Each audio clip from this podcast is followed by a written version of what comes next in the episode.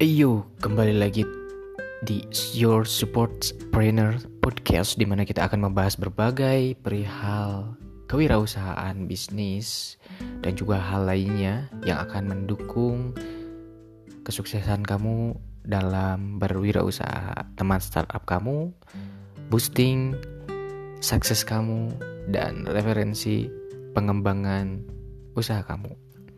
Di mana lagi kalau bukan di Your Support Trainer Podcast.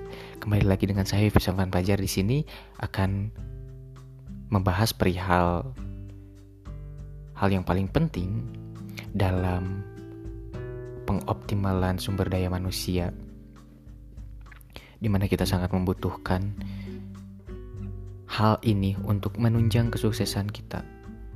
Sebaik apa pun manajerial operasional dan produk kita dalam berbisnis, jangan pernah melewatkan step ini, yakni dengan pengoptimalan, kesadaran, dan juga keprofesionalan sumber daya manusia yang ada di dalam bisnis kita, yakni adalah pegawai kita, partner kita, secara umumnya adalah rekan bisnis kita dengan judul Hire Employees di mana memang salah satu agenda terpenting dalam suatu kinerja di sebuah perusahaan atau bisnis proses dan tahap seleksi saat merekrut calon karyawan atau calon partner bisnis kamu ini harus selektif sesuai kebutuhan dan juga sesuai peran dan kemampuan mereka. Jadi memang harus selektif.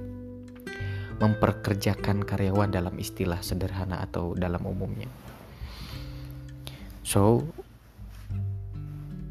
hal yang perlu kita pahami dalam mengoptimalkan suatu hire employees ini adalah dengan mempertimbangkan suatu kebutuhan yang akan nantinya harus diisi oleh para calon pegawai atau rekan bisnis kita. Yang pertama adalah dari kita, suatu owner, suatu CEO, atau orang yang memiliki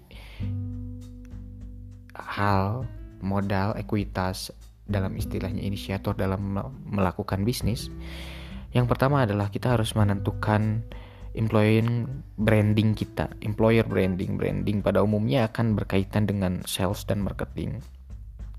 Tapi dalam hal merekrut calon karyawan ada juga yang namanya employer branding. Employer branding adalah bagaimana cara kita memperkenalkan perusahaan kepada kandidat dan pencari kerja yang berkualitas.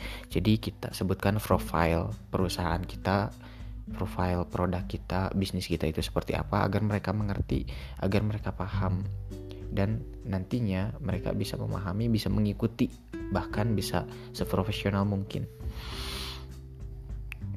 Jadi secara rincinya untuk membuat employer branding, kita harus memiliki gaji yang kompetitif, bonus dan benefit kepada mereka, peluang perkembangan karir, suasana bisnis yang mendukung, budaya kerja yang baik, menyenangkan, namun tetap sesuai dengan target seperti itu. Yang kedua, hire employees ini membutuhkan suatu kebutuhan yang jelas, yang konkret, yang sesuai. Jadi memang tidak berbelit-belit, capaiannya tidak bias, tapi memang harus tertulis dan memang ditarget seperti itu sehingga memang ada sedikit semi direktif dari seorang owner mereka harus memberikan tuntutan dan intervensi dalam target penjualan seperti apa, market seperti apa, operasional seperti apa.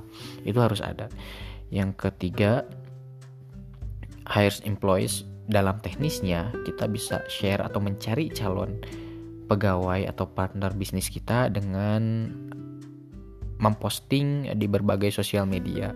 Di mana memang jikalau kita membutuhkan seorang pegawai yang kompeten sosial media adalah salah satu platform yang bisa direkomendasikan bisa efektif untuk menjaring banyak masa dan juga ke sananya bisa membuat bisnis atau usaha kita lebih terkenal lagi di dunia maya seperti itu. Siapa tahu kan orderannya bisa lebih banyak via online kan.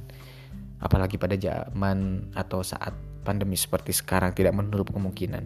Yang keempat adalah hal yang paling penting dalam hire employees adalah persiapkan tahap seleksi. Ini yang paling penting, tidak hanya formalitas. Ini harus ada capaiannya, harus ada targetnya sehingga memang bisa terseleksi dengan bijak sesuai dengan apa yang kita butuhkan, sesuai dengan apa yang owner butuhkan, sesuai dengan apa yang pengusaha butuhkan untuk mencari pegawainya sebagai manajer siapa, staf administrator siapa, staf ahli siapa, operasional siapa, publikasi siapa, lalu kurir siapa itu harus benar-benar diseleksi dengan baik kriterianya spesifik mungkin dan seperfeksionis mungkin. Karena memang untuk mencapai suatu hal harus dibutuhkan suatu teknis yang rinci capaian yang secara filosofisnya itu jelas secara tertulis seperti itu. Seperti biasa seperti hal umum yang memang sering kita jumpai dalam suatu seleksi-seleksi memperkerjakan calon karyawan di mana memang selalu ada tes tulis, psikotes, praktik, lalu interview atau wawancara seperti itu. Namun memang itu harus ditanggapi dengan serius dan sesuai konteks dan koridornya seperti itu. Lalu yang terakhir adalah selalu ada evaluasi. Jadi memang jikalau pada akhirnya pekerja kita atau pegawai kita atau partner bisnis kita memang di awal menyuguhkan suatu keprofesionalan dan inkonsisten ini harus adanya evaluasi apakah memang pada saat kita mengadakan hire employees ini ada teknis yang terlewat ataukah memang kesadaran itu di luar kendali kita ya memang. Cuman itu harus menjadi suatu evaluasi di mana memang tidak boleh adanya hal yang minus lagi seperti itu jika ketidakprofesionalan pegawai, kelalaian pegawai, bahkan ke sananya selalu nuntut gaji tanpa ada pekerjaan yang optimal, tidak ada target yang tercapai, itu menjadi suatu hal yang perlu dipertimbangkan sehingga kita bisa benar-benar mencari sumber daya manusia yang kompeten, inkonsisten, dan ke sananya paten gitu. Jadi memang nggak cuma jadi kutu loncat nyoba-nyoba doang ngerasa gaji tidak sesuai dengan dia dia asal keluar tanpa adab seperti itu. Jadi memang kita selaku owner kita selaku pemimpin perusahaan itu harus benar-benar jelas harus benar-benar bisa menyeleksi sesuai kebutuhan kita. Dan yang paling penting adalah mereka harus benar-benar bisa loyal kepada kita dengan treatment yang mereka sukai juga. Itu hal yang paling penting. Mungkin untuk di episode sekarang membahas perihal hire employees cukup sekian ada beberapa poin yang bisa kalian catat ada beberapa poin yang bisa kalian buat sebagai referensi semoga ke depannya your sport trainer benar-benar menjadi teman startup kamu menjadi teman ternak cuan kamu menjadi saksi sukses lo dalam berbisnis. Mungkin cukup sekian. Terima kasih saya Fisa Fajar. Sampai jumpa. Dan bye-bye.